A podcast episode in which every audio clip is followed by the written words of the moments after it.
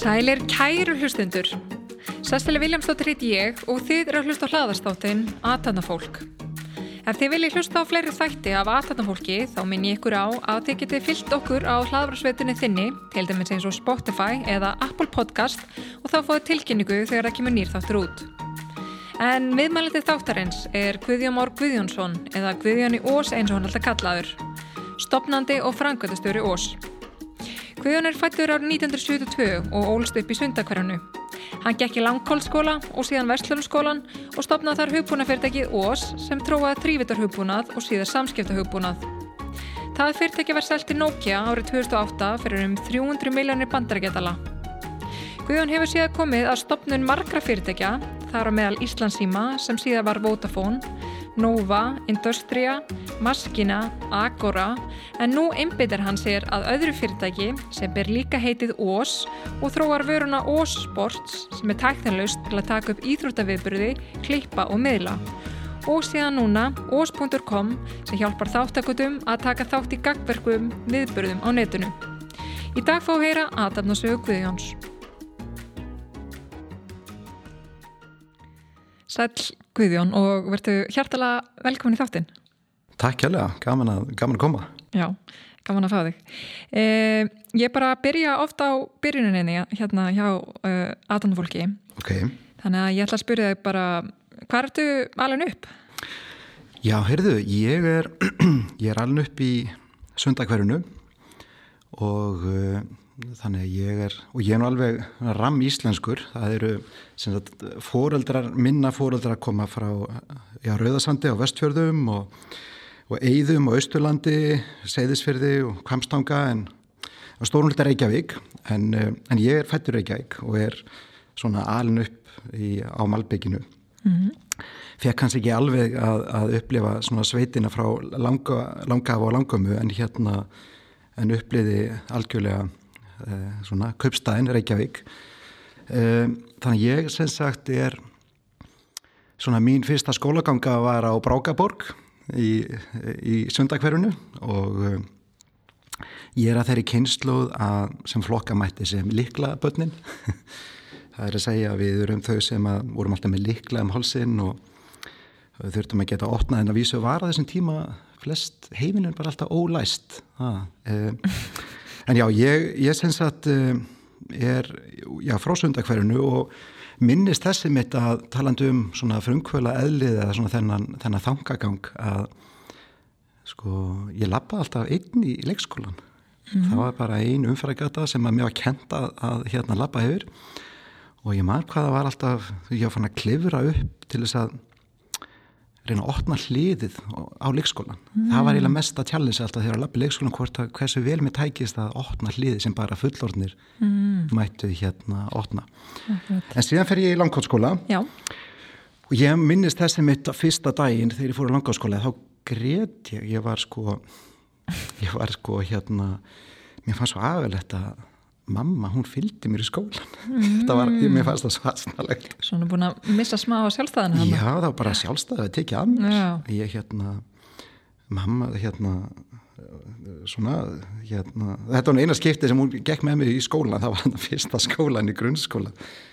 En já, það var það voru mín svona uppeldis uppeldis ár og ég kynist mínu fyrstu vinum raunverulega á Brokkaborg og, mm. og hérna hvernig er svona barn eða týpa varstu? Var hérna, var í, í, hérna, varstu strax í rauninni, var svona frumkvæla eðlið í rauninni strax komið hérna snemma og, og náttúrulega mikil áhuga, hérna, áhuga á tækni? Já, ég, sko, ég var smá rebul og hérna, uh, sko, uppeldi var þannig að, sko, indislega fóröldra og jafn indislega í dag og voru þarna þeir alast upp uh, in the 80's þannig að að ég, sem sagt, ég minnist þess sem þetta uppeldið er svolítið þannig að eh, eins og pappi og, og, og fóröldaminni, þau svona, ég var alltaf litið á mann sem jafningja. Og ég fekk mér þess að þannig upplifun bara þegar ég er mjög ungur að veist, pappi hann hérna bara leit svona á eins og ég væri bara klárar en hann, veist, það, skilur það var svona þemað, bara já, já þetta, þú getur þetta. Og eflust var það örlubóta þegar þeir voru svo busy þeir voru svo bara upptekinn í sínu og bara ungi fóröldrar mm. og pappi var sjálfur og er frumkvöld og hann var með sitt eigi fyrirtæki og, og hann var svolítið þannig, hann var þegar hann var að vinja á skýsluvelum, hann sá bókaldi fyrir Reykjavíkuborg og fleira þegar að hérna voru bara með gataspjöldir þá þurfti hann stundum að taka all-nighter eins og fyrir mánamótin miðugdægin, miðugdagsnótum og sólarhengnum fyrir mánamóta þá hérna þurfti hann á svona félagum að taka all-nighter til þess að ganga frá bókaldinu mm. þannig að ég svona eflust er það bara svona normið þetta frumkvöla umhverfi og þannig var svolítið mín æska það var sko tækni og ekki tækni ég var bara mjög upptækin á því að leysa vandamál mm. og hérna með alls konar tilunast það sem ég. Akkurat. En hérna, þú byrja nú að forrita snemma og stofna þitt fyrsta uh, hugbúnafyrirtæki mjög snemma, bara já, á úlingsaldri. Já, sko. Í, Hvernig kom það til? Já, sko, í þessu, í barnaskunni, þá byrjaði ég hérna, ég byrjaði að byrja út morgunblæði þegar ég var, ég veit ekki, 7, 8, 9 ára gammal, mjög ungur og hérna og þá gæti ég að sapna mér inn fyrir minni fyrstu tölvu þá var Sinclair Spectrum komin á markaðin og var aðal tölvun ég var búin að kynnast e, e, tölvunni á undan gegnum Robert vinnminn fadir hans Bjarni hans sagt, var að vinna hjá íslensku tölvu fyrirtæki sem voru að smíða tölvur. Held ég þetta Atlantis að veita það ef ég mann rétt. Þá fekk ég að kynast uh, sko Sinclair Zeta X80 og 81 verunum þar.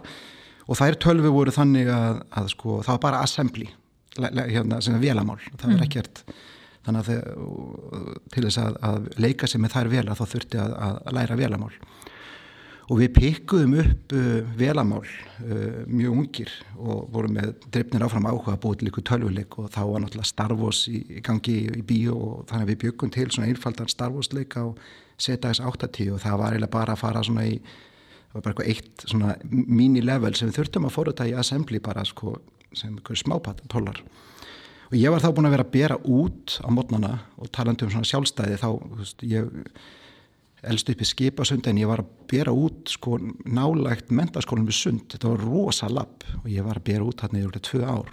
Og hverju minnsta mótni með tvöfald að skamta blöðum og svona þannig að maður fór í snjósköplunum og það var engin að pæla neitt í því að fóröldan er, ég þetta vakna klukkan 6, bara út laði mig og fór svo í skólan mm. og tókst þeim þetta að sapna mig fyrir þessari singlega tölvu. Og þegar ég egnaðist hana þá var maður búin að læra þú veist, aðeins í velamálunu og hérna ekkert, þú veist, maður er alltaf svo ungur maður er ekkert enginn, þannig sé sérfræðingur. En byrjaði strax að forrita og ég mani mitt að þú veist, alltaf verið mána það var pappi að púsla saman bókaldinu og eldursporðinu og allt í mjög nótum og dóti og ég sagði, hei ég get búið til forrið fyrir þetta. Ég var oft í því, sko, að búa mm. til ykkur lustnir á, spott eitthvað vandamáli kringum mig. Þannig að já, þetta, sem sagt, síðan hérna uppgreita maður yfir í hérna, BBC tölvu og, og ég dettinu tölvuleik sem hétt þá Elite og hérna ég verði einn af þeim fyrstu sko, sem ég veit um sem var Elite, það var einhver ákveð level svo var einhver einn annar, þetta er Denny held ég sem var líka Elite og við vorum alltaf reyna að hittast. Og hérna þannig að maður hittlaði svolítið af, af aðeins af tölvuleikjanum mm. en í forrutuna þá ég ykkur á svona einfalda tölvuleiki og hérna á þessum tíma. Og svo hérna Já, ég man líka eftir þegar það var eitthvað tíman auglist í útvarpinu var eitthvað forrutunarkerni grunnskólana og þá hjólaði ég þanga alveg á fullu og ég lögði þetta söllina og var eitthvað síning og, og hérna tók svona að vinna þá keppni og þá fekk ég sagt, aðra tölvi í velun sem að varðila til þess að e, ég fór út í að uppgreita mig yfir í pjessitölfur og uh, þá döttum við líka í því að hérna, ég og Róbert-vinnum minna það var eitthvað vandamál, við vorum að spila eitthvað púl, strákarnir og byggja til hugbúna til að stýra sagt, ljósunum á biljartstofunum þannig að við kannski farið inn og kefti eða bara að kaupa 40 mínutur á þessu borði eða klukkutíma, bara kviknaði ljósið og svo mm. þegar það spúið með tíman og þá slöknaði ljósið mm.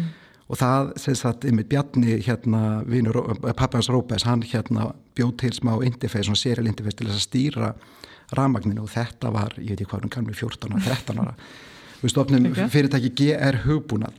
Mm. og síðan kynntu við þetta fyrir eitthvað, eitthvað umbóð í Íslandi, eitthvað svona biljardstofu borða, sölu aðeila sko. Og það bara, heyrðu, vá, ég verðum að fara með þetta út. Og hérna og hann, við byggum til bækling. Svo vorum við búið til bæklingin og þá breyttu við nafninu og vorum við að hugsa international. Og þá náttúrulega voru við, þú veist að vera 14 ára. Og breyttu við fyrirtækinu úr því að heita GR hugbúnað yfir í GR International. Mm -hmm. Sjálfsög og þá byrja, já, hugsa stóðum bara ríkna út hverja margir staðri heiminum og eitthvað. Svo fór þessi aðli til Breitlands með fórættið og við sáum hann aldrei aftur. En líka svo byrjuði prófinu skólanum og ég menna þetta var það, það var ekkert, það, við, þetta var bara eitt af þessum skemmtilegu verkefnum. Já, akkurat. En hérna eftir uh, grunnskólan þá hérna ferðu í Vestlunarskóla Íslands Já, einmitt. Ég hérna fyrir Vestló og uh, þá uh, fer ég strax í vítjunemdina og þá var vítjunemdina ekki neitt, það var bara einn kamera og þrýfótur og ég hérna fyllir á hugmyndum og einhvern veginn text einhvern veginn að sannfara vinið mín að nefndir á þau til þess að kaupa vídeomixer og alls konar stöff í þessa vítjunemd og þá verður þessi og svona, þá allir stækkar vítunendin og ég man eftir, ég fekk pínu samvinskupið að við náðum að fástu stóran hluta af hérna budgeti hérna nefndarhansins það árið til þess að ég geti fengið að kaupa mína videomixerinn og fleiri kamerur og ég með svaka sín og við fórum að tókum upp Vestlóvælið og, og fórum að í þáttagerð í, í Vestló og svona mm. og þá sem endaði því að við tókum að okkur að gera eitthvað tónlist að minnband sem var svo klift upp á stöð 2 og uh, þess að þetta var stækkaði allt, var allt saman óstórt, maður var ekkert með með aðeins óstórar hugmyndir og maður var ekkert með svo vitlega sem maður held að allt væri svo einfalt. Mm.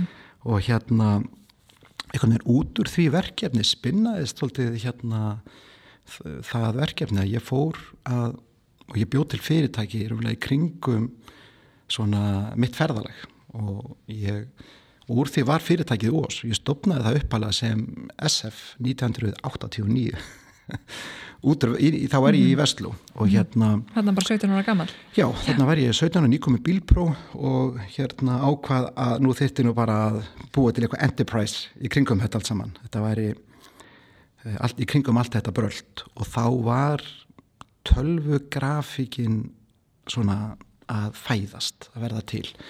Og fyrirtækið það hétt Ós Almiðlun vegna þess að við hringdum í orðabók háskólans, það var þetta multimedia var komið og, og spurum hvernig þýðum maður orðið multimedia?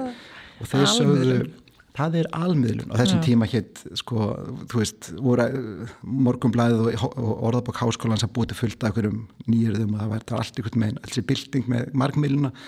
Það voru með alls þessi orð voru svo ný og síðan kom það ljós árið setna að það var markmiðlun sem varð ofan á mm. og því var síðan breytt en hérna þá vorum við að pæla í tölvugrafík og ég það er umlað það sem er alltaf heila mig það er tölvugrafíkin og uh, og umlað að nýta allt allan það kraftin sem að tölvurnar hafa hérna upp á að bjóða mm -hmm. kreista allt út úr þessum tækjum sem hægt er að kreista út og oftast er það að teikna uh, tölvugrafík mm -hmm.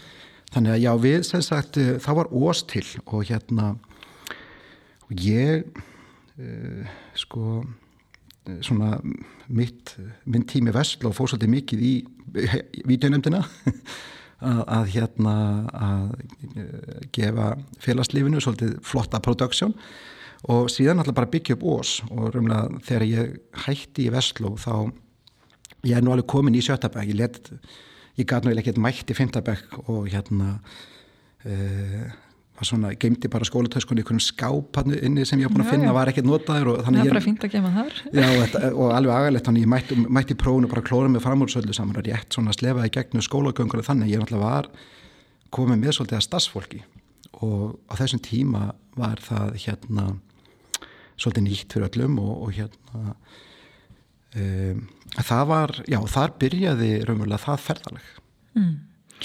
Og þarna fyrstum sinn þá voruð þið að búa sér til uh, tölvugrafík og þjónastakassi önnur uh, fyrirtæki líka? Já, einmitt. Við, sem sagt, 89, 90, ég var að vinna með vinnum mínum Einar Snorra, Eið Snorra, indislega vinnum mínir, eh, flottistrákar og svo eh, Aronni Hjartasinni sem að kemur inn í félagið og verður svona fyrst, fyrsti hérna svona stafsmárunni kemur svo inn í félagið og við sjáum, heyrðu, við þurfum að fara í, gera starri hluti.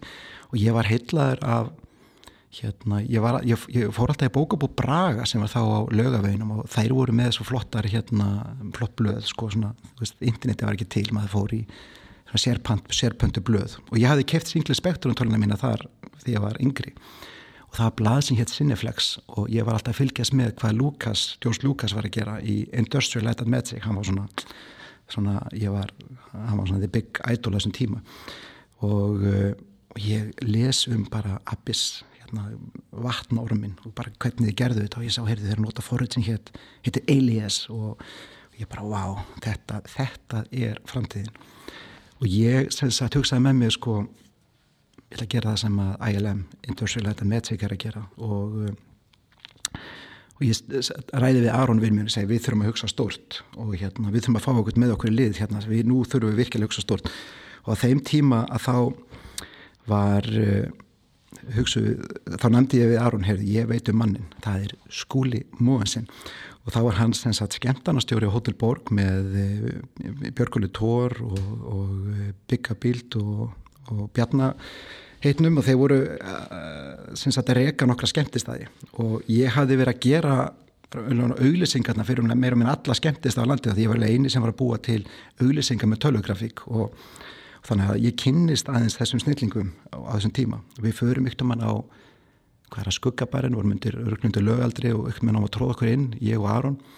Spurum er skúli móðsinn hérna stað, staðinu og ég hérna, já, hann var hérna einhvers þar í eldúsunni eitthvað baku við tölum skúli. Við erum í hugmynd, þetta var sko svaka tónlist í gangi og hérna lögutaskvöld eða festaskvöld eða eitthvað. Og hérna, hann sagði, já, ég kemur bara hitt ykkur klukkan tíu á mánundagin, já, tíu á mánundagin og við erum þessu úsnaði þetta dag og svo kemur hann til okkar klukkan tíu. Mm. og þá kemur hann inn í félagið og hann alveg hjálpar okkur að, að hérna, svona nýta allt saman 1991 já. og þá breytum við svo að vera SF yfir HF og fjárfestum í þessum uh, þessum tölvubúnaði til þess að geta búið til þess að stórkostlu tölvugrafík. Mm. og á þessum tíma þá voru við bara einhverjir smápólar að keiftum búnað fyrir næstu 30 miljónur á þeim tíma, þetta er hvað það er mikið peningur í dag. Og fengum IBM í, í samstarf með okkur og þá voru við komið þetta velarafl að geta farið að hérna svona, þú veist, teikna hérna flotta hluti Ég, hafandi, þú veist, kunnandi verandi forritari, eða þess að kunna forritun, þá heitlaðist ég mest að því að fara í að forrita í staðin fyrir að fara ómikið í þjónust að búa til teknibrellunar og þetta alls saman. Við gerðum mjög mikið af allskis auðlýsingum, bæði fyrir ellend fyrirtæki og innlend, en uh, við byggum til raunverulega það sem við hétt á þessum tímaði Ós Sete Library og var alveg svona legendary uh, hugbúnaðir svona í græsótinni, það sem við forritum Uh, þú veist, skí og sprengingar og sólalag og áferða við og þú veist uh, ólíka, ólík tegund af, þú veist, uh, hérna af allskeins áferðum vass yfirbors hugbúnað og, og þessi hugbúnaðar hann var keftur síðan af okkur af Microsoft 95, 94-95 og þá sem sagt, þá var mín mitt plan þarna á þessum tíma Hvernig var það til?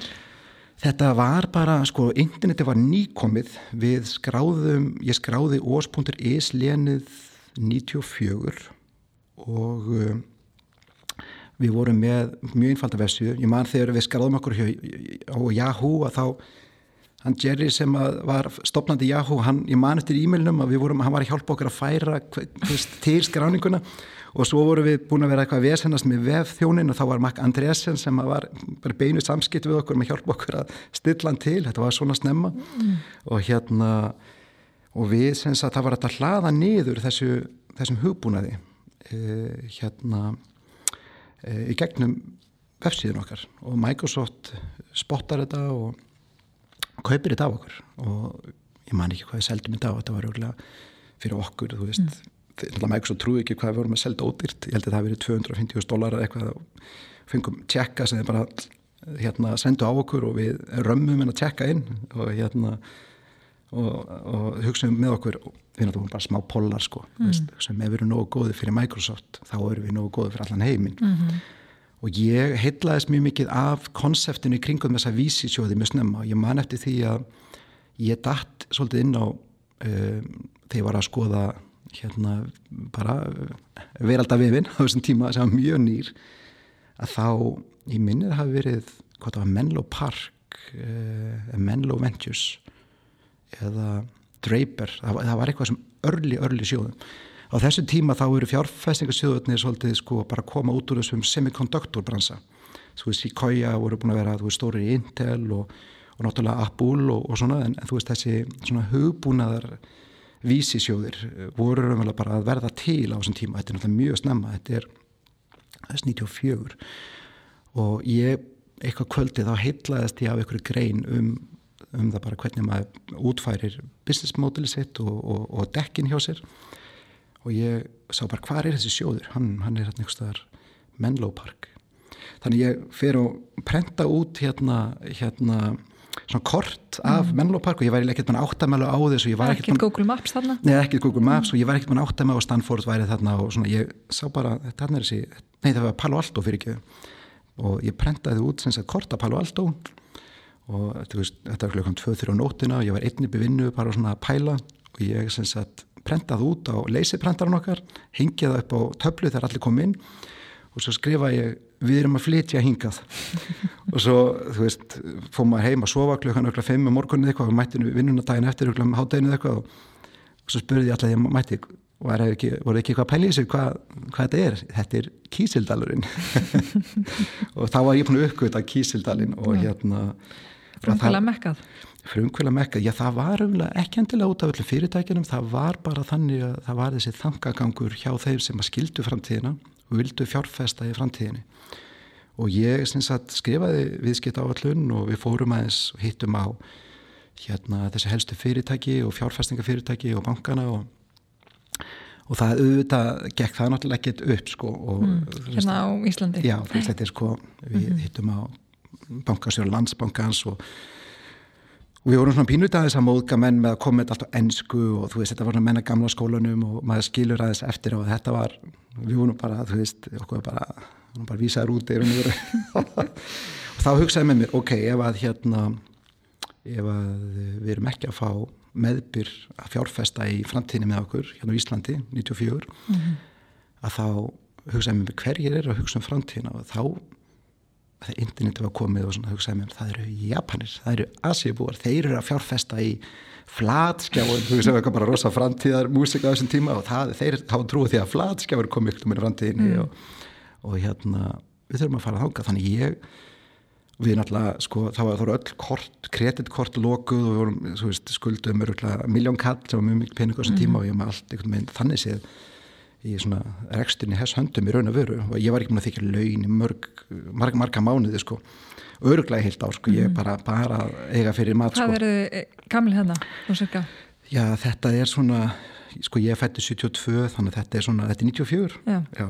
Og hérna ég fyrir til uh, Japan, til Tókjó skrapa saman í flugmiða og uh, og kynni þar, hitti þar á fjárfesta og er með þessa sín umröðumverulega framtíð internetins að hún er í þrývit sem alltaf flokkt að sem alltaf hugsa sér og þetta var, þarna var maður einhvern veginn að bara einhverju missjón að, við veit ekki, breyta mhm. heiminum og það var ja, ja. alltaf ráðast á hlutina sem voru eins erfiðir og hugsa skatt mm -hmm. ég gati ekki sætt mér bara við að gera einfaldan vafra eða töluportfóri allt og létt, og létt. þetta gera eitthvað en, svakalegt Mark Zuckerberg er núna að reyna að hérna selja okkur að, að framtíð internetins í þrývit þannig að já, já, ég Sko þarna var ég, ég veit ekki, 20 árum og snemma eða eitthvað, þú veist það er oft tala um að við aðeins og snemma, þá er að tala um þeim er árum með 5 árum sko Já. og ég segja þarna hafi ég verið 20 árum að snemma en ég held að ég hef verið svona 30-40 árum að snemma ja. að því að Mark er enþá að snemma þetta, sko ég lærði mjög mikið í þessu ferðalagi. Og ég fekk, og þetta var ótrúlega tækifæri, ég fekk tækifæri að kynnast eh, fórstjóri Intel þá, Andy Gró og við ferðumst mjög mikið saman ég og Andy um heiminn og þú veist maður fekk tækifæri að kynnast þessu, þú veist við tókum hátismat með Bill Gates að neitt og var að ræða þessu luti og ég man eftir því að ég tók einmitt fengum okkur einmitt ís saman ég og Steve Case sem stopnaði þá AOL og hann sagði strákar var ég held ég að vera útlegað með skúla hvað hérna internetið í 3D hvað er, að, hvað, hvað er það að hugsa strákar? Hérna, sko þegar ég stóðnaði EOL þá var þetta bara texti og ég voru ás ánaði bara sum, að geta verið með blikkandi eða jafnveg mm. grænan og rauðanstundum, það var bara meiri hátar og ég, það situr oft í mig svolítið þessi klukkutími með Steve Case svona að ræða um hérna að hafa hlutin einfalda mm. ég núna, ég vil, hafa, ég vil ráðast á verkefni að gera hlutin einfalda og þannig að það séu frekar notaðir og það maður að sjá það er ekki bara í þrývitinni, það er líka í þú veist kryptoheiminum og, og, og hérna öllu því sem er gerast nýtt, mennustu uppteknir af tækninni sérstaklega mm -hmm. frekar en hérna en eh, svona ákveðnum einfalleika gagvart neytendum.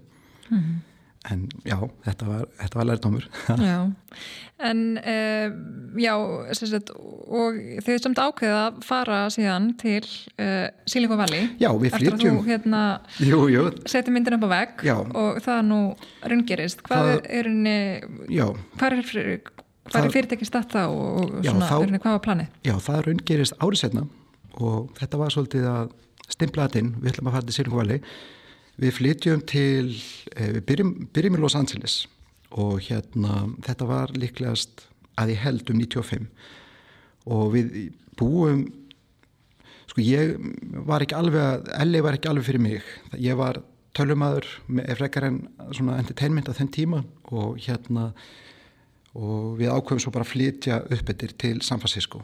Og hérna þar nöyti minn betur, þar, þar vorum við vorum að vinna mikið með bransanum, vorum minni með Intel og Nvidia og þessum aðlum og hérna kom okkur fyrir í South of Market á Brannan Street. Uh, við sem sagt uh, fengum fjármögnum frá Japan fengum Sumitomo Bank og fleiri fjárfesta til þess að fjárfesta í félaginu og uh, náum að byggja það upp. Þá heitum við OS Interactive og erum orðin í Kalifornian fyrirtæki. Þetta var umlega á þessum tíma var, voru delaverð félagin í bandarækjunum að svona ná fótfestu, menn voru að byrjuðu svolítið bara með Kaliforníu fyrirtækin en nú er þetta bara árið delaver allt saman C-Corp.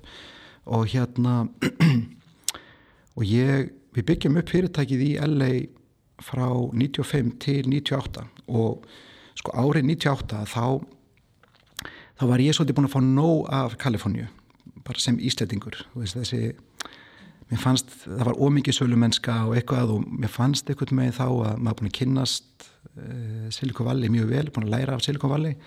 Og ég flytur umvel til Íslands sama mánuðin og Google stofna og mér fannst þá að það var bara, þú veist, interneti komið bara að búið að finna þetta allt upp og eitthvað svona. Mm, en hérna, og þá voru ég man ekki hvað marga leitavilar, þá var ég alltaf nota alltaf vista, svo var Lycos og allar þessar leitavilar og ég man eftir að fljúa til Íslands 98 að þegar að ég er bara að fljúa þú veist við erum í svona aðfluginu við erum að horfa á þetta fallega land það var kemur upp eitthvað svona tilfinning í mig að hérna á, á hvað er gott lengi úti indislegt að koma til Íslands og það bara á mómentinu ég var að horfa á þessa fallu eigu þá hugsaði með mér ég ætla að stofna fjaskita fyrirtæki ég ætla, ég ætla að færi samkettni við post og síma. Það var ekkert að gerast í fjaskiptum og það var bara postur og sími. Og þá, þá verður kveikjan af sagt, Íslandsíma, eða sem er Vodafone í dag. Og hérna ég stopnaði síðan e, Vodafone e, einhverju þremur mánu, fjóru mánuðu setna og sem fyrsta verkefni mitt hefur komið aftur til Íslands. Mm -hmm. En það var ós líka í, í hennar fullu gangi á hennar saman tíma? Það var ós á fullu gangi og þetta var, og þetta var bara svona meira Það var svona að þróa þar? Sko þá voru við, sko þessum tíma þá voru við að vorum búin að vera mjög mikið í þrývitaforrutunni við tókurum vel að þrývitar kerfið okkar og vorum miklu súbitalendar sem vorum bara að vinna með okkur í forrutun Hilma Veigar og, og Jón Hördal og þeir sem sagt taka þessi það verkefni að taka þrývitar dildin okkar og við spinnum hennu út í fyrirbæri sem hétt Smart VR og e, þetta hefur líklegast verið 99 mjög líklegast. Og hérna e, síðan gengur það bröðsvelega að fjármagna smartvér þannig að það fer síðan einhvern veginn bara hálfpartin inn í CCP eða þannig séð svona óbeint og hérna, Hilmar Veigar getur útskýrt tásögur betur en ég, ég Já, hann en, hefur akkur komið í vittal hann að það er hægt að frætta þáka okay. og svo tóku við uh, svona grafíkdildin okkar við byggum til félag og því sem hétt Chaos það var svona Íslandst Pixar og að því að þá vorum við komin á ákveðna hugmynd að sem að hétt innan húsi okkur link og varð síðan út úr því vörumerkið iPulse og þá svolítið svona eftir ráðum Steve Case á AOL guys, fariði bara í eitthvað mjög einfalt. Af því þá eru við búin að vera að kynna framtíð internetsins sem OS Virtual uh, svona vafri þar sem þú gast lappað um og sem er eins og sem, eins og metaverse. Eins og met, ja, sem er bara þessi metaverse og við vorum að vera í því mörg ár síðan 95 og hérna það var þetta að vestla og við vorum eitthvað sem heit OS Records og þú gast að fara í Orion klubin og þú það var, þú gast farið í videoconferencing þannig að þetta var the future of work og þetta var the future of entertainment og þetta var bara alltaf erfiðasta sem hættur að hugsa sér. Þetta var peer-to-peer -peer, þannig að það var svona hálfgett blockchain í þessu og, og hérna það var þetta að tala saman í þessu með voice og hérna uh, var það var þetta að vera með videoconferencing þetta var bara eitthvað skonar allt sem hægt var að hugsa sér Já. og við vorum eitthvað með út um allt og hérna ótrúlega skemmtilegt og ungir og vittlösir við heldum við gætum allt og, og hérna sem einhvern veginn við gátum það, það var einhvern veginn það lítið að gera svo í Íslandi annað en ós raunverulega á þessum tíma að við vorum svona gótt úr staðurinn fyrir klára eðlisfræðinga og starffræðinga og, og ég hafði líka bara frá alveg byrjun og þá var ég alltaf með augastað á einmitt landsliðinu eðlisfræði og hérna Það er alltaf gott að fylgjast vel með þeim. En ekki fyrir mig, ég var sko alls ekki með sko nógu klár til þess að taka þátt í því en heldur að, að vinna með þessum snillingum. Og það var Kristján Valur vinnu minn Haldur Fannar, mikill snillingu sem er að vinna hjá NVIDIA í dag, hann sem kom til okkar mjög snemma og ótrúlega flottur uh, drengur. Og hérna þannig að við vorum alltaf með svona kjarnan af bara þeim bestu í hérna starffræði, eðlisfræði og öðru mm -hmm. og þetta bjóð til svona uh, svona kraft, svona melting pot, þetta var bara söðu pottur nýsköpunar mm -hmm. og mhm. hérna og þegar svona margir einstaklingar eh, er að hittast voru með Helga Vógu og maðurinn hennar og þessi eh, Tóti, já, þú veist bara allt þetta, allt þetta gengi sko, mm -hmm. þetta er svo og Reynir og hérna Páls og, nei hérna, hérna Reynir Harðars og, og já Reynir Páls líka hönnuður og þú veist bara ég get talið upp hérna mhm. endalust mm -hmm. og ég bara passa mig að fara ekki út eða vil ekki gleyma hennum sko mm -hmm. okay. að hérna mætir í vinnuna að það bara verður eitthvað til sko mhm.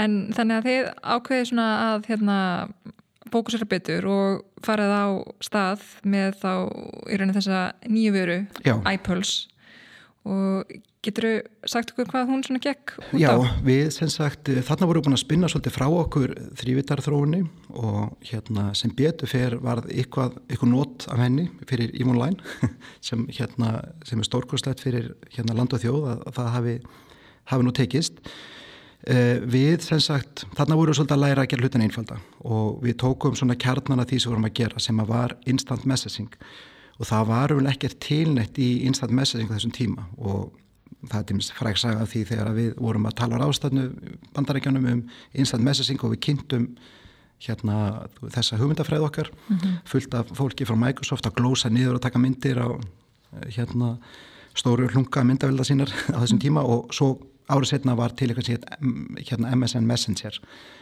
Og uh, við syns að byggum til instant messaging tæki sem var að tala saman, þetta var peer-to-peer, -peer, þetta var secure, þetta var encrypted og allt þetta. Já, og þarna bara svona til að setja saman ekki kannski yrjunum fyrir fólk, þú veist þá er þetta kannski bara eins og Facebook Messenger þannig Já, þetta er svona sko, WhatsApp Já. Já, eða WhatsApp, þú veist þannig að þetta er svona yrjunum fyrirværi þess Já. að fólk hætti vera að senda skilabóðum millir hvers annars. Já, og við sem sagt vorum að vanda okkur svo mikið að gera hlutina rétt og komið flotta fjárfestaði maður sækja tölut fjármagn. Þarna var Eriksson búin að fjárfestaði félaginu sem var þá líklega sin, já, stæsta fjárfesting sem hefur sem var þá gerði í nýsköpun í Íslandi. Mm -hmm. og um, þannig við vorum leysir fókust á að gera hlutina mjög vel og, hérna, og gera hlutina rétt. Og uh, sem að var svolítið okkur að falli vegna þess að við ætlum okkur að gera þetta rétt viðskiptalega séð að við klikkuðum á viðskipta módulinu Eh, þannig sé að falli verna þess að sko já og nei það var í raunverulega ós enda sér inn í hjá að það var að kifta Nokia fyrir eh, tölvöld miklar upphæðar og það var náttúrulega alveg super success og skúli kemur svo, þá var, var ós komið til Kanada. Ég hef búin að yfirgeða félagi það var einhverju tveimur, þreimur á mundan það var eignast hérna són minn og svona aðeins að breytast, ég var ekki til ég vildi vera á Íslandi á þessum tíma ekki að flytja til Kaliforníu, nei til Kanada. Og hérna en þá sem sagt uh, verður til uh, iPulse og, og, og, og við förum í þannig bransa sem að kallast þessi presence bransi, það geta haldið utanum hérna stöðu, ertu online eða avei, þetta var mikið nýsköpun á þessum tíma. Og það, ok, ef þú ert online, það getur við kannski spjallað saman með texta eða, eða með röttinni og síðan hérna Rúinlega mistökjum með viðskipta átana þarna er að við ákveðum að nýta okkur allt nettverki fyrir Eriksson. Þeir voru með 130 söluskristóður eða sem sagt í 130 löndum alltaf að segja og við gáttum sko selt lausnin okkar í gegnum þá og til síma fyrirtækja. En eh, á sama tíma þá voru við með eitt klöster svona keirandi bara sjálfur iPulse.os.com og hérna og hann byrjaði að trenda hjá bankers í Svíþjóð og hérna og Eriksson baða okkur svolítið um að bara loka á þetta.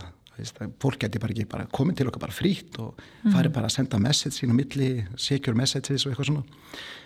Síðan komu stráka frá Norður Svíþjóð sem voru búin að prófa þetta og hitt okkur tvísvars flugu til Kanada, hittu skúla. Fyrst uh, hvort þeim ættu kaupa okkur þessa tækni. Svo sögðu með nei og þá komur aftur setna hvort um ekki fjárfæstiðum og þetta voru strákarnir sem stopnuði síðan Skype mm. þannig að hérna þannig að lærdómirinn þarna er að sko viðskipta mótilið er jafn, jafn stór nýsköpun eins og tæknin sjálf mm. þá oftast hvernig hún álgast markaðin og hvernig svona hérna dreifingin er mm -hmm. og, og, og og svona, svona þessi sölu kanalar, það mm. er jafn mikið af nýsköpun eins og hérna tæknin. Mm -hmm. og það var svolítið stóri lærdómurinn þarna. Akkurat uh, En eins og með sko fjármjögnum félagsins og bara svona í, í gegnum tíuna þannig að ef við tölum um kannski til aðgrinningar sko gamla og nýja ós við hefum kannski eftir, eftir að fara í þá sálma. En, en hérna uh, já, þú veist að, að, að náttúrulega það var kannski ekki þetta fjárfesta umhverfi sem er kannski núna komið þú veist á aðeins verinu betri stað. Þannig að uh, þeir náðu náttúrulega inn í þessi stóri fjármjörn frá Eriksson og slíkt en náttúrulega svo voru þeir líka með í rauninni uh, fólk að keift hluti félaginu líka á Íslandi.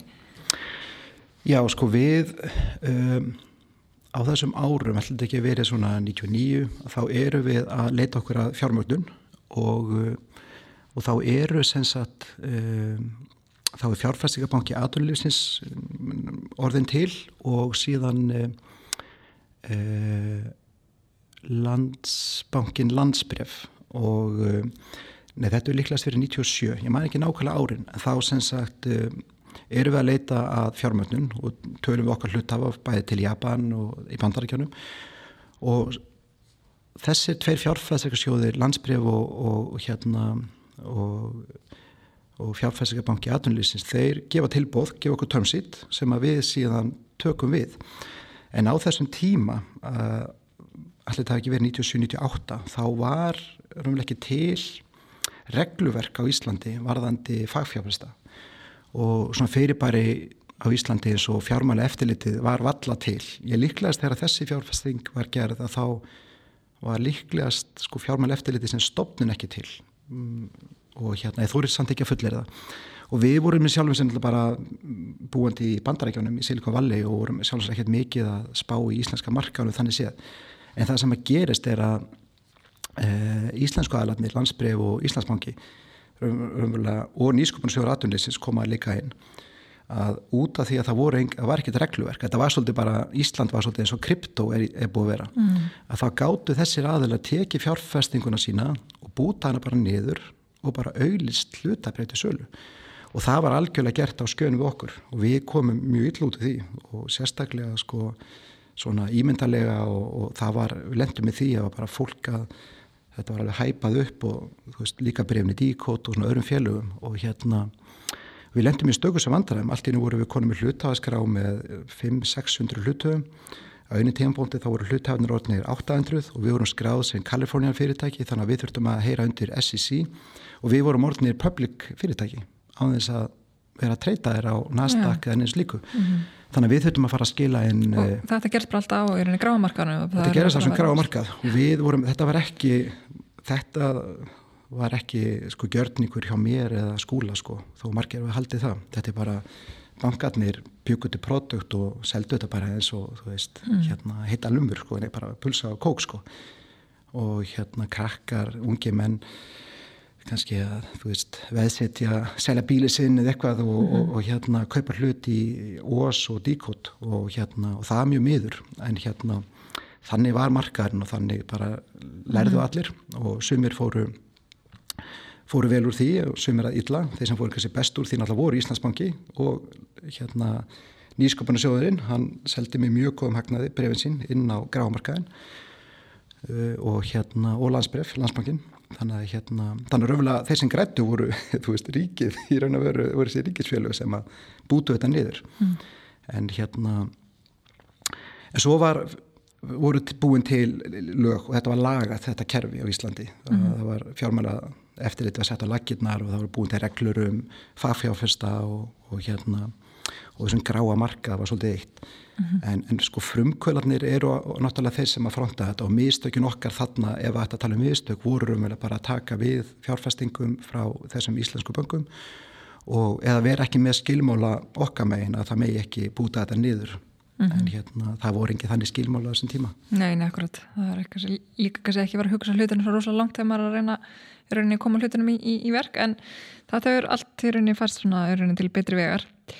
Uh, en, en já, þér sagt eru þið búin að gera hérna iPulse og, og, og hérna eh, eru með erunni stóra samning við Eriksson á þessum tíma og hérna og, og svona og bara heilmikill vöxtur okkur. Og svo já. kemur þarna uh, netbólan árið erunni 2000 sem setur svona doldið erunni strikkireikningin hjá okkur. Já, sko þegar netbólan, þegar .com krassi er þá eru við líklegast ég myndi skjóta á við séum orðin í svona 300 manns eitthvað svo leiðis uh, ef við tek sko þróunateimið okkar og stafsmenn okkar ásamt þeim sem voru að vinna með okkur hjá Eriksson í verkefninu.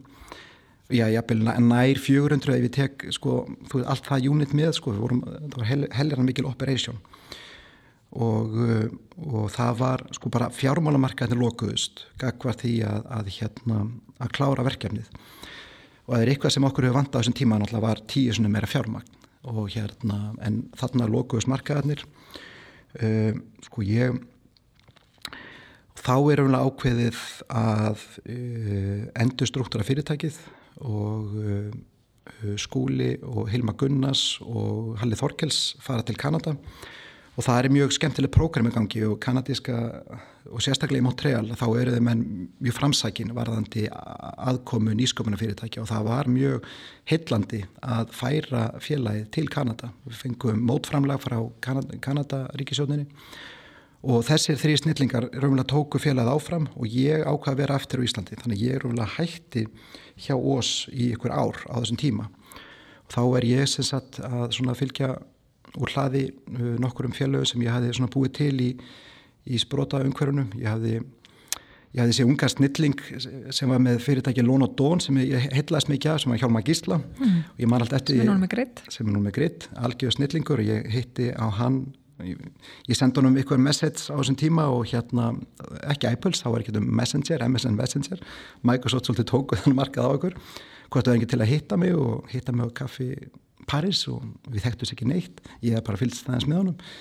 Og þá var ég rúna með fjárfestingarsjóð bara minn eigin fjárfestingarsjóð. Og frekar svona umsveð mikill í fjárfestingum í raun og veru á þessum tíma var líklega með sko, eigi fjármagnu upp á svona 100-200 miljónir í að fjárfesta í, í, í hlutum. Og þá var ég aðlega fjárfesta í Íslandsíma Votafón og ég segi mér til Hjálmar hérna, hér eru 40 miljónir eða hvort það verið 30 miljónir, þetta var alveg pening á þessum tíma. Og hljóma búa til nýtt hérna mobile, veist, mobile internet company og hérna úr því var fyrirtækið Maskína. Svo endur tók ég þann leik með öðrum snillingum Arnari Sigursson sem er núna með Sandei og Vilhjálf með Þorstensinni mikið fylgst með honum að sína hann að gera sína snild í bókarskerjum og öðru og við byggum þetta annað fyrirtæk sem hétt Homeportal. Þannig ég var með smá svona portfóljó af nýskopnum fyrirtækjum. Þetta var svona hálgjör svona, svona hálgjör hraðall þar sem ég var svona bara að nýta mína þekkingu í því og og ég fekk smá svona uh, ég lærði á þessum tíma eftir hérna árið 2000 að hvað mér fannst skemmtilegast það var starti, það er þessi nisti, það er að byggja hlutina upp. Og, uh, og ég bjóð til sko format á þessum tíma sem við köllum Design Build Operate. Hlutað því var að við byggum til Nova eh, símafyrirtækið líka stopnaði það, það var líklegast ég held að hugmyndin þegar ég kynni hugmyndina fyrst fyrir Björga Tór, það var á landsleiknum Ísland-Búlgari, ég held að það hefur verið lók 2004, eða maður rétt. Þannig að 2005 að þá erum við uppbyggingun á Nova líka og, og þá var ég búin að hérna, vera mikið að fjárfesta í því að tíma í að, að byggja upp infrastruktúri í Európu, bæði út í Írlandi og í Breitlandi og svona og hérna var svona aðeins bara að fara í að gera eitthvað mjög einfalt í smá tíma þetta, ég er búin að fara eitthvað svakalegt. Það ljóma mjög einfalt. Já, mér fannst það óbúslega einfalt að, að hérna nýta mína þekkingu í að bara byggja upp infrastruktúr, mm -hmm. mér mhm. fannst það mjög gaman og, og hérna og mér er gaman að byggja upp fyrirtæki fyrir aðra og hérna þannig að þá er og þá er ég líka, þá var ég að mestuleiti komin út úr Íslandsíma er alveg út í Íslandsíma þessum tíma þess að fannst mér vera gott tækifæri að byggja upp nóa. Þá fann ég það að Íslandsíma ætlaði ekki að fóra til 3G eða Vodafone. Og þá hérna átnaðist annað tækifæri að gera eitthvað að markanum mm -hmm. og og síðan eh, bara aðfendu við það fyrirtæki í rekstur til nótur og, og þau voru með eh, algjöra snillinga til að taka við kemlinu þar. Hérna þau ráða svo Líf og Jóakim ótrúlega flott og þau gerðu þetta fyrirtæki alveg ótrúlega flott. Og þá mm. Og ég er raun sínin með Nóva hann í byrjun. Það var eiginlega, já það að, að hérna, stökk og tækifærið með raun 3G Já, þetta var, já og, var, og það var tækifærið veist, þetta mobility að hérna, þú veist það, það var strax þessi faktor entertainment everywhere veist, mm -hmm. þetta mhm. var svona hérna, neistinn þarna með 3G var svolítið eins og umræðinir í dag með 5G það var að geta hort á vídeo í strætó og veist, mm -hmm. allt mhm. þetta sko og þetta var svona stóra byltingin þannig að þessi svona afþreying eh, geta hérna að geta hort, já og bara notið entertainment að þreyinga hvað sem er var, var svolítið svona nistinn og, og kveikjana þessu öllu saman. Mm -hmm, síðan uh, verður um vel að til það sem heitir Aftur Ós í dag og stopna það hvað 2009 held ég 2009 eða 10 og þá byrjar um vel að nýrkapli og nýtt ferðalag.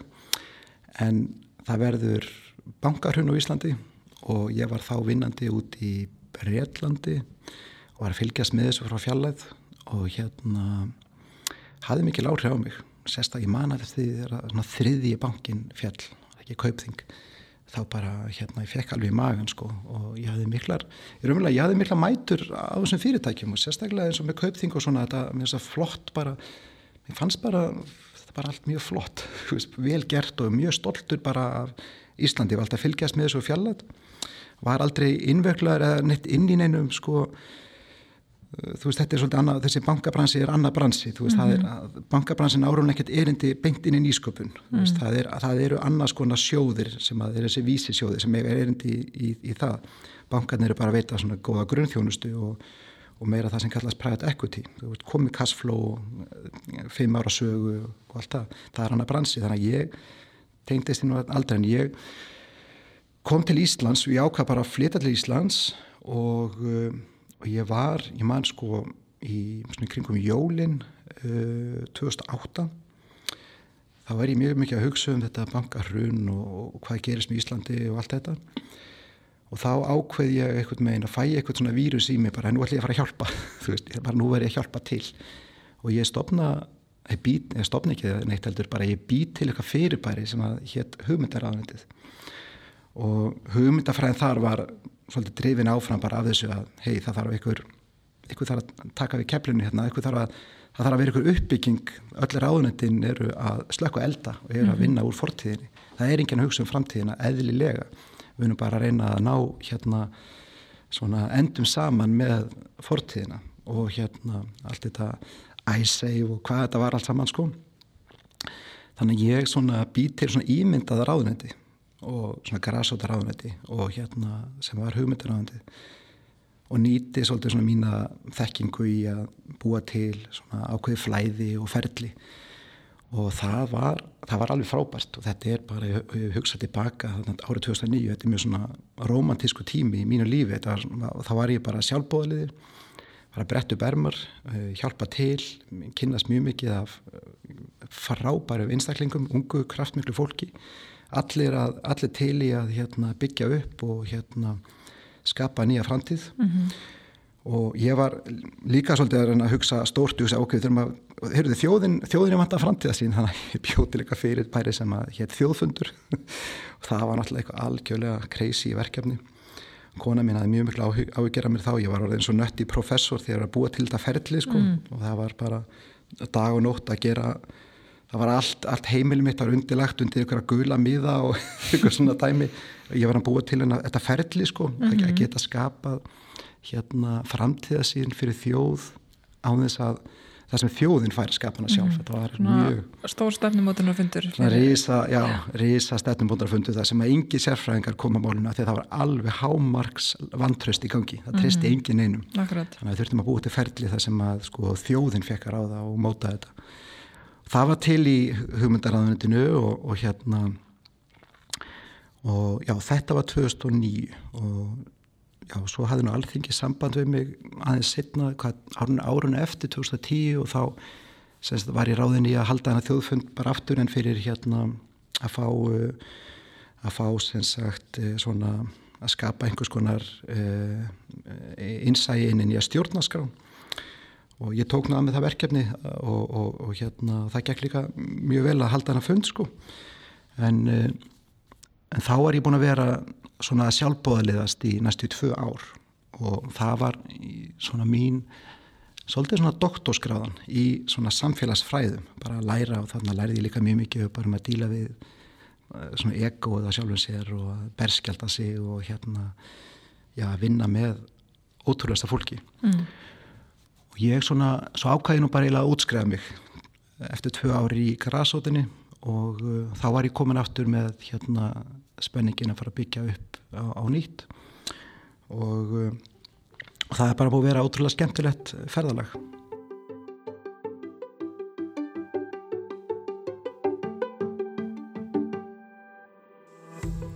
Ég ger hér stuttlið til að færa ykkur skilabóð frá kostunadala þáttarins. Viltu bóka flug með Æslandir en finnur ekki áfækastæðan sem ást að leitað í leiðakjörunu?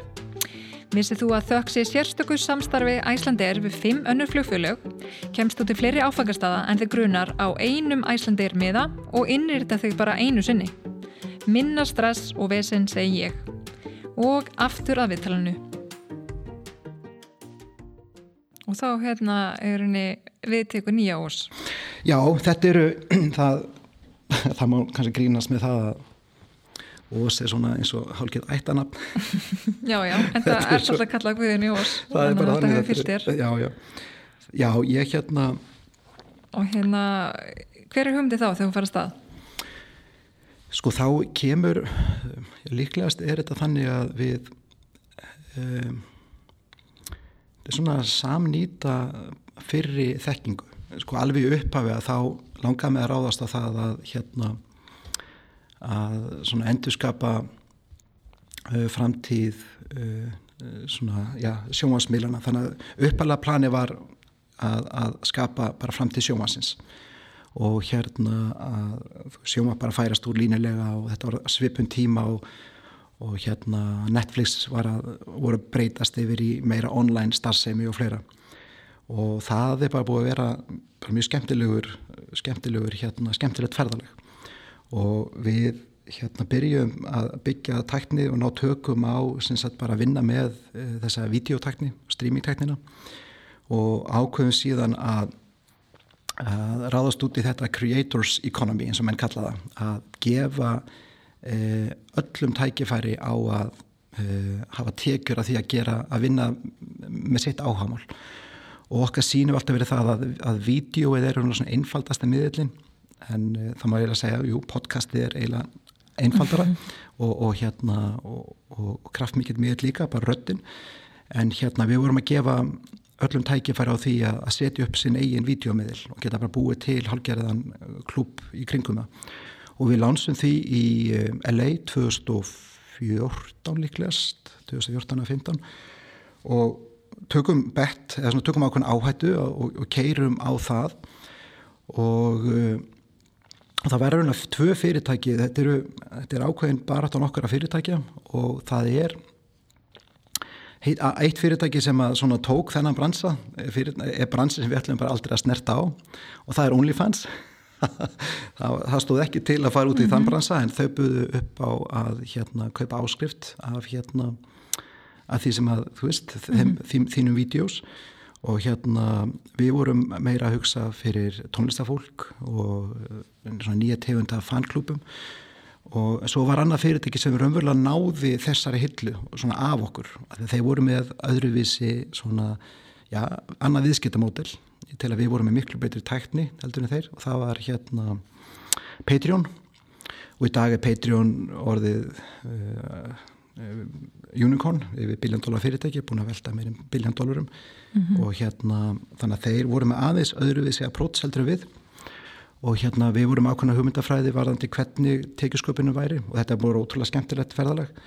En það sem við lærðum er að á þessari vegferð að við vorum að vinna mjög mikið með tónlistafólki og, og, og, og hérna og svona, e, svona nýtshópum sem voru með ákveði áhugamál er að það sem var að virka best gagvað því að selja áskrift, það voru íþróttinnar eh, það sem að gekk best alveg í byrjun voru að kaupa áskrift af fimmleikum, fimmleikamótum voru kannski krakkar að keppa fimmleikamótum og foreldrarnir gátt ekki flóið á Norðurlandamót og annað.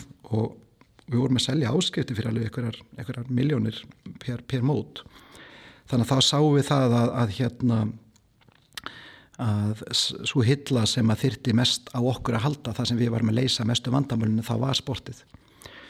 Og það hefði búið að vera ótrúlega skemmtilegt ferraleg mm -hmm. og hérna og núna í dag í, með Ós þá eru við raunverulega já það má segja Ós séu raunverulega tvö fyrirbæri, tvö fyrirtæki. Það er Ós.is sem er Ósports og svo er það Ós.com og það og, og, Óspúti.com er svona ákveðu svona moonshot verkefni sem á eftir að, mm -hmm. eftir að kannski meira eftir að tilkynna meira og það er uh, hérna hluti sem að mun þróskast meira á næsta ári Já. en Ósports er í, uh, í spennandi vexti mun ég búin að gera samninga sem við munum segja frá fljótlega við uh, íþróttarhefinguna hérna á Íslandi og, og það byggir á ákveðnu hugmyndafræði sem að er ég, svona svolítið drifið áfram að svona social impact hugmyndafræði um að hérna e, jafna svolítið út leikin okkar svona nistin sem var til svona hugmyndin uppalega með ósport var að við viljum að lefa með þess að sko pollamótinu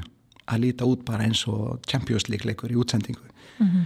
og hérna það var svolítið þetta manifesto sem við komum upp með í uppafi og þá segja mér hér ok, þetta er nú eh, hvernig ósköpunu gerum við þetta? Og þá bara já, skulum, hvar byrjuð og þá byrjum við að, að hérna, átt okkar að því að, að það er að vera með fullta myndavælum og ok, þá, hvernig gerum við það? Við förum og fjárfæstum í robotics takni þannig að í þessu ferðarlægi 2017, 18, 19 þá erum við að vinna með robotics hluti í rannsóknum.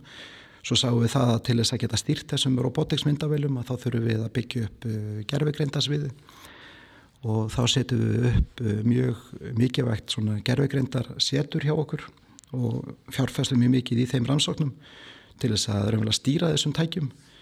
Og, uh, og í dag erum við núna að vera tilbúinir eftir talsvert ferðalag að, að fara að rúla þess út á markaðin að innleiða þetta út. Og það er svolítið svona sambland af fyrir þekkingu að vinna með infrastruktúr að, að rúla út búnaði á, mm. á, á fókbaltafrelli Þannig að ósporst í dag er í, raunin þessi tekní og þess að vila sem er að taka upp uh, íþróttarleiki bara fyrir allskynnsklubba og hérna reyna uh, koma þau í svona toppgæði bara eins og þegar maður horfir á hérna stórleikina í sörn og, og hérna síðan er það nýta uh, gerugreind og, og hérna og já, svona sjónræna mæntala hérna, gerurgrind er henni bæðið til að taka upp og, og þá jafnir líka klippa leikin Já, passar, já, akkurat. Já. við erum með hérna, skal ég segja Sko við erum að greina rún alla viðburði leiksins og í dag eigum við tækni sem kann fótbolta og við, við erum búin að reikna út hvað tekur okkur langa tíma að fara sen inn í annað sport setna mér, eða hvort það væri korfubolti eða amerísku fótbolti eða krikket og annað en eh, kerfið okkar það til dæmis veit hvernig ákveðin atvik er að gera hvað sé marka, hvað sé mhm. rangstaða mm -hmm. og, og slíki hlutir Og neytandi geta séðan farið á, á hérna eitthvað vefsíðu og er henni kiptir aðgang þá að þessum leikjum? Já, það var uppalega þannig og það er umvel að hluta þessu ferðalagi hjá okkur og þannig kemur um eitt viðskipta mótilið að við, þegar við vorum að bjóða einstaklingum upp á að kaupa af okkur leikina þá voru við eignað svo mikið af óvinnum að þá voru við samkettni við svo marga að hérna þá voru við konið samkettni við réttafa sem voru að fjárfesta í íþrótum og á Íslandi er þetta eins og Stöðfu og Síminn og veist þessir aðalar en úti er þetta eins og ESPN og Fox og svona. Við ákvaðum í ákvaðinni svona endurskipleitningu hjá okkur að hætta þessum hluta til þess að, að hérna, eiga nú góða vini í bransanum og frekar að hjálpa réttöðunum sem að eru á fullu í samkettni um að keppast um það að kaupa íþróttaefni. Og það er umlega samkettni bara hver er með dýpsta vasan eins og fylgjast með á Íslandi hver er að fara að kaupa ennsku úrvasteldina næst mm -hmm. eða símin eða er Vodafone að ná yfirbjóða þú veist, mm -hmm. þetta er mhm. svona samkjætni um dýpsta vasan og svo eitt góð við þá bara allir mætir Amazon eða, eða Google eða, eða Apple mm -hmm. þannig að hérna við ætlum ekki að vera í þessum djúbu vasakefni mhm. við ætlum frekar að hérna leifa þeim sem eru með dýpstu vasan að líta flott út og geta frekar uh, verið með meira efni og við erum með ákveðið svona manifesto í dag að, að hérna að láta yngri deildirnar, yngri hópana að lefa þeim að fá jafnvel betri gæði heldur en sko svona prímjum kalladeildinni með í dag mm -hmm. og það bara gerum við með grafík og þekkingun í bara öllu þessu ferðalat sem búin að læra því síðustu 20-30 árin mm -hmm.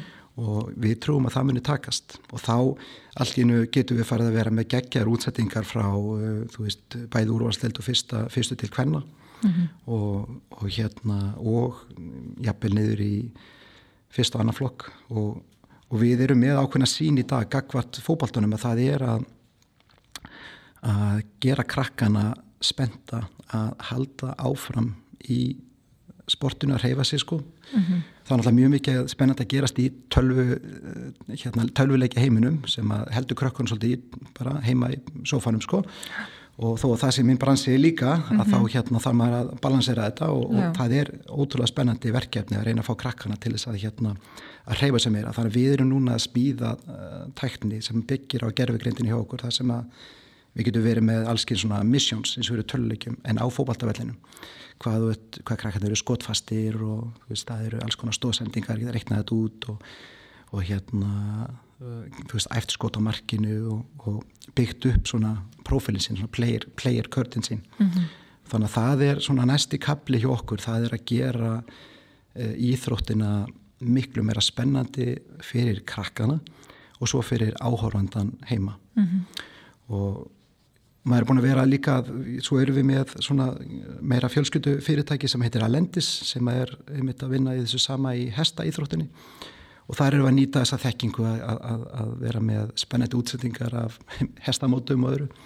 Og gera þetta skemmtilegt, gera mm -hmm. þetta entertainment og hérna þannig að það er svona, já, það, þannig er svona fyrirtækja nýskupuna safni hjá mér. Já, mjög spennandi, þú er hérna akkurat út að ég var að undirbúa viðtalið sko og maður bara, já, ok, í, í hvað röða á ég taka þetta, þú ert að gera svo margt sko, þannig að hérna og þannig að það var svona, ok, hvað er maður staldra við og annað, annars líkt og, og náttúrulega svo bara, bara til að eh, svona, klára það hérna í rauninni þessa upptalningu að þá náttúrulega hérna ertu líka í rauninni, í rauninni komin heilan ring má segja og þú, þú ert afturbyrjað að spá í hérna, hérna síndaveruleikonum og hérna og kannski með þú veist en samt kannski náttúrulega eh, daldi svona nátengt því sem þú ert búin að vinna núna í síðust ár. Já, ég er með sko í, í eh, nýjum nýjum verkefnum og svona nýjum fjárfestingu hjá mér þá fjárfestingu í svona hluta til tíma og svona þá já þá er ég aðeins að þá eru við að rannsaka ákveð svona múnsjótt verkefni sem að er kannski ekki beint síndaveruleiki en það er nýtir allar þess að þekkingu um uh, svona spennandi aðþreyingu og það er meira sko ég myndi lýsa því verkefni meira eins og svona lifandi pixar það sem að getur ímyndaður hvernig væri Toy Story 10 sem að þú ert hluti af, mm -hmm. af öllu saman. Og það er eitthvað sem er bara núna að, að, að þróskast og þróast og það er hérna ákveðið svona pet project. Mm. og ég er að vinna í því verkefni svona aðeins, aðeins til hliðar á hliðalínunni með miklu snillingum.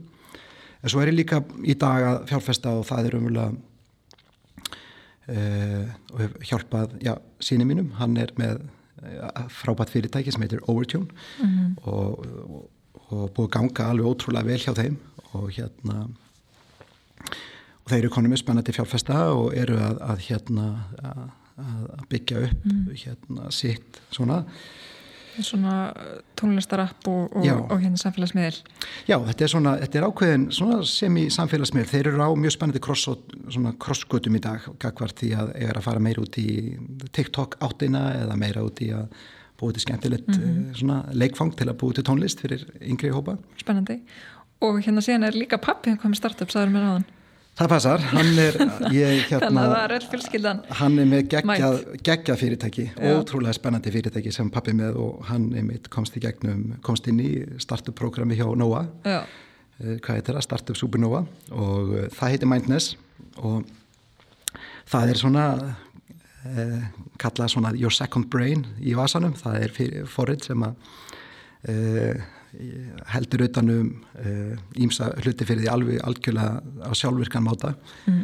og þeir að nýta sér svona nýjan tipp í flestum símum í dag sem getur mælt uh, staðsetningu upp á okkurar innan 15-15 cm þannig að -hmm.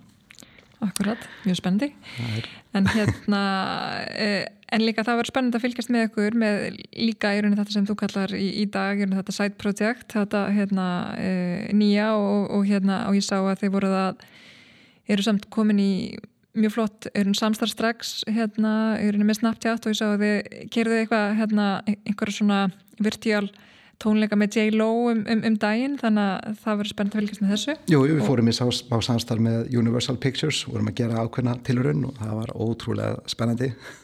Gaman, við vorum með rúnlega þetta er bara hluti á ákveðnum svona rannsóknarferðalagi. Já, að svona samt að gögnum hvernig að já, í hvaða skref á hérna næsta fari eh, en, en hérna eh, ef við svona horfum aðast til eh, baka svona hvað, veist, þetta eru svo ótrúlega mörg verkefni og, og, og svo, já, ótrúlega margir sem hún er að gera hvað svona er henni fyrst í standa svona upp úr?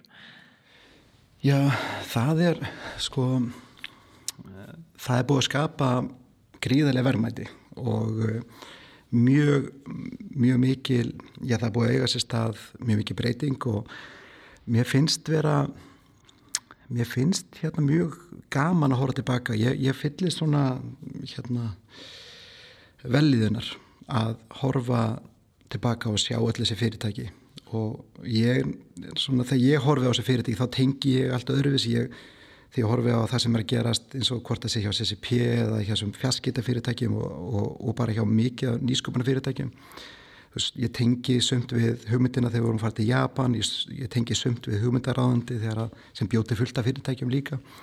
Þannig að ég svona fæ eh, svona aðeins ég fæ svona notalega tilfinningu að hóra tilbaka og það eru mjög margir fjárfesta sem hafa búið til mjög mikið verðmæti fyrir sig og sína sjóði. Það er ansi margi sem hafa, eins og menn segja í slanginu að 10xa og sumir hafa jafnvel 100xað í gegnum þau fyrirtæki sem að hérna ég hef komið að og verið svona okkur nisti að, að búa til og uh, ekki öllum tilfellum hef ég endilega verið að búa til eins og menn segja 10x.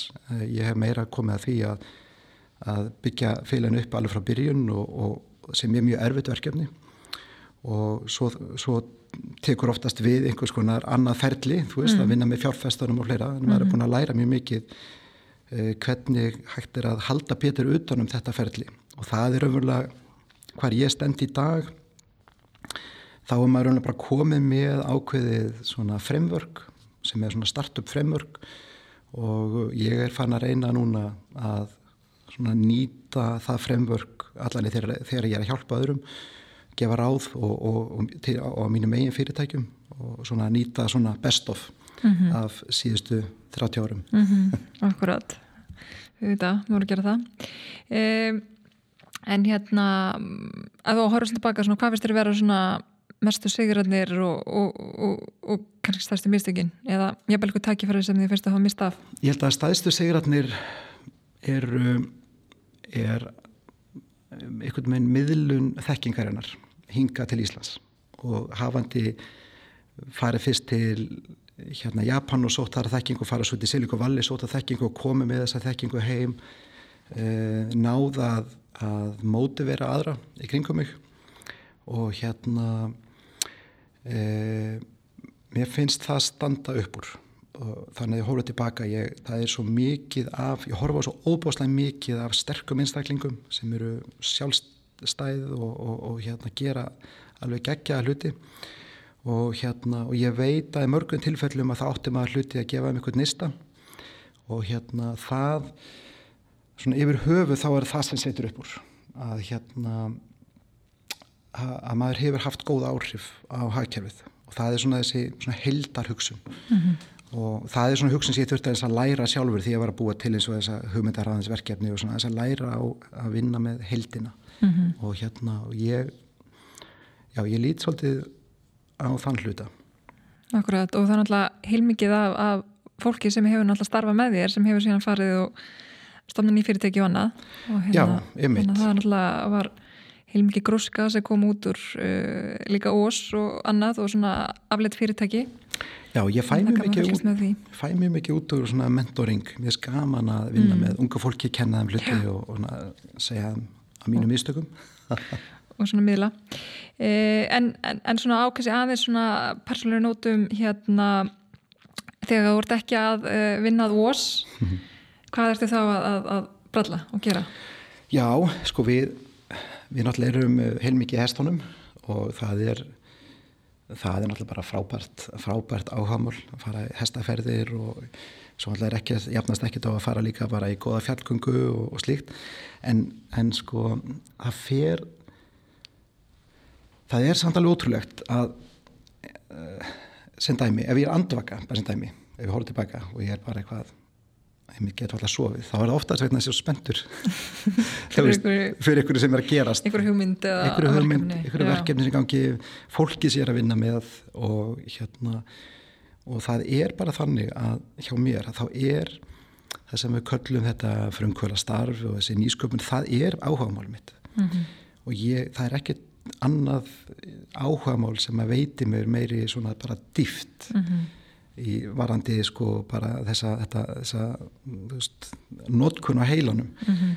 og hérna heldur en bara það að, að, að vinna í nýsköpun mm -hmm. og, og í, í þessum hérna frumkvöla heimi og það er oft sagt um frumkvöla að það var eitthvað sem sagði það að frumkvölar eru þeir einstaklingar sem eru sko þrýfast af óvissunni og það er óvissan er svo spennandi og hérna það er eitthvað svo margt þarna sem að er þú veist maður svo forvitin hvernig væri möguleik að gera eitthvað betra mm. og það er bara svo skemmtilegt Akkurat hérna, allir þessi endarlegu hérna, möguleikar hvað er þetta að gera? Já, þetta er bara eins og að fá skák á heilan eða eitthvað þetta er, þetta er mikil strategía mm. og hérna þetta eru endalösa hindranir sem þarf einhvern megin að, að leysa mm -hmm. Akkurat. En, en hérna svona sem er einu frumkvöld og, og, og, og náttúrulega er einu fólk verið doldið svona, eða ekki doldið, mjög upptekið af því sem er að gera. Hvernig hefur gengið að er einu svona balansa fjölskyldulíf og eða yngalíf og svo er einu frumkvöla bröldið? Já, sko ég, einhvern tíman þegar að hérna, einhvern veginn held ég smá erindi, held að verið gulllegið og þá manni eftir að frumkvælni mættu og lokahófið og þá sá ég mynd alla aðstandendur hérna aðstandendur frumkvælana kærastæði, kærastur eða eiginmenn og, og eigin, eiginkonur og svo stundum ykkur að fóröldra og í hérna þá fekk ég ákveðin svona hugljómin og ákveði að halda, breyta aðeins fyrirlistar mínum og ég ákveði bara að tala til þeirra. Og ég ákveði bara að gera hlut sem að ákveði bara að þakka þeim fyrir skilningin að þetta er hérna Um, það er ofta ekkert auðvelt að, að ymmit heimilislífið og allt þetta þegar að hérna þegar að um, mannesku geta verið svona uppteknar og verið sónað út er að það er með eitthvað mjög flóki mótel í, í höstnum á sér sko. Bara komin í einhvern annan heim. Komin í einhvern annan heim og þá verða oft makarnir stressaðir er eitthvað, eitthvað í gangi kannski í sambandin eða eitthvað slít sko. Þannig að ég hérna var með svona kvartningar orð til makana og bara þakk, þakklættis orð til þeirra að hérna að gefa þessu skilning að þetta er ofta þetta er, þetta, þetta er samilegt átak allra.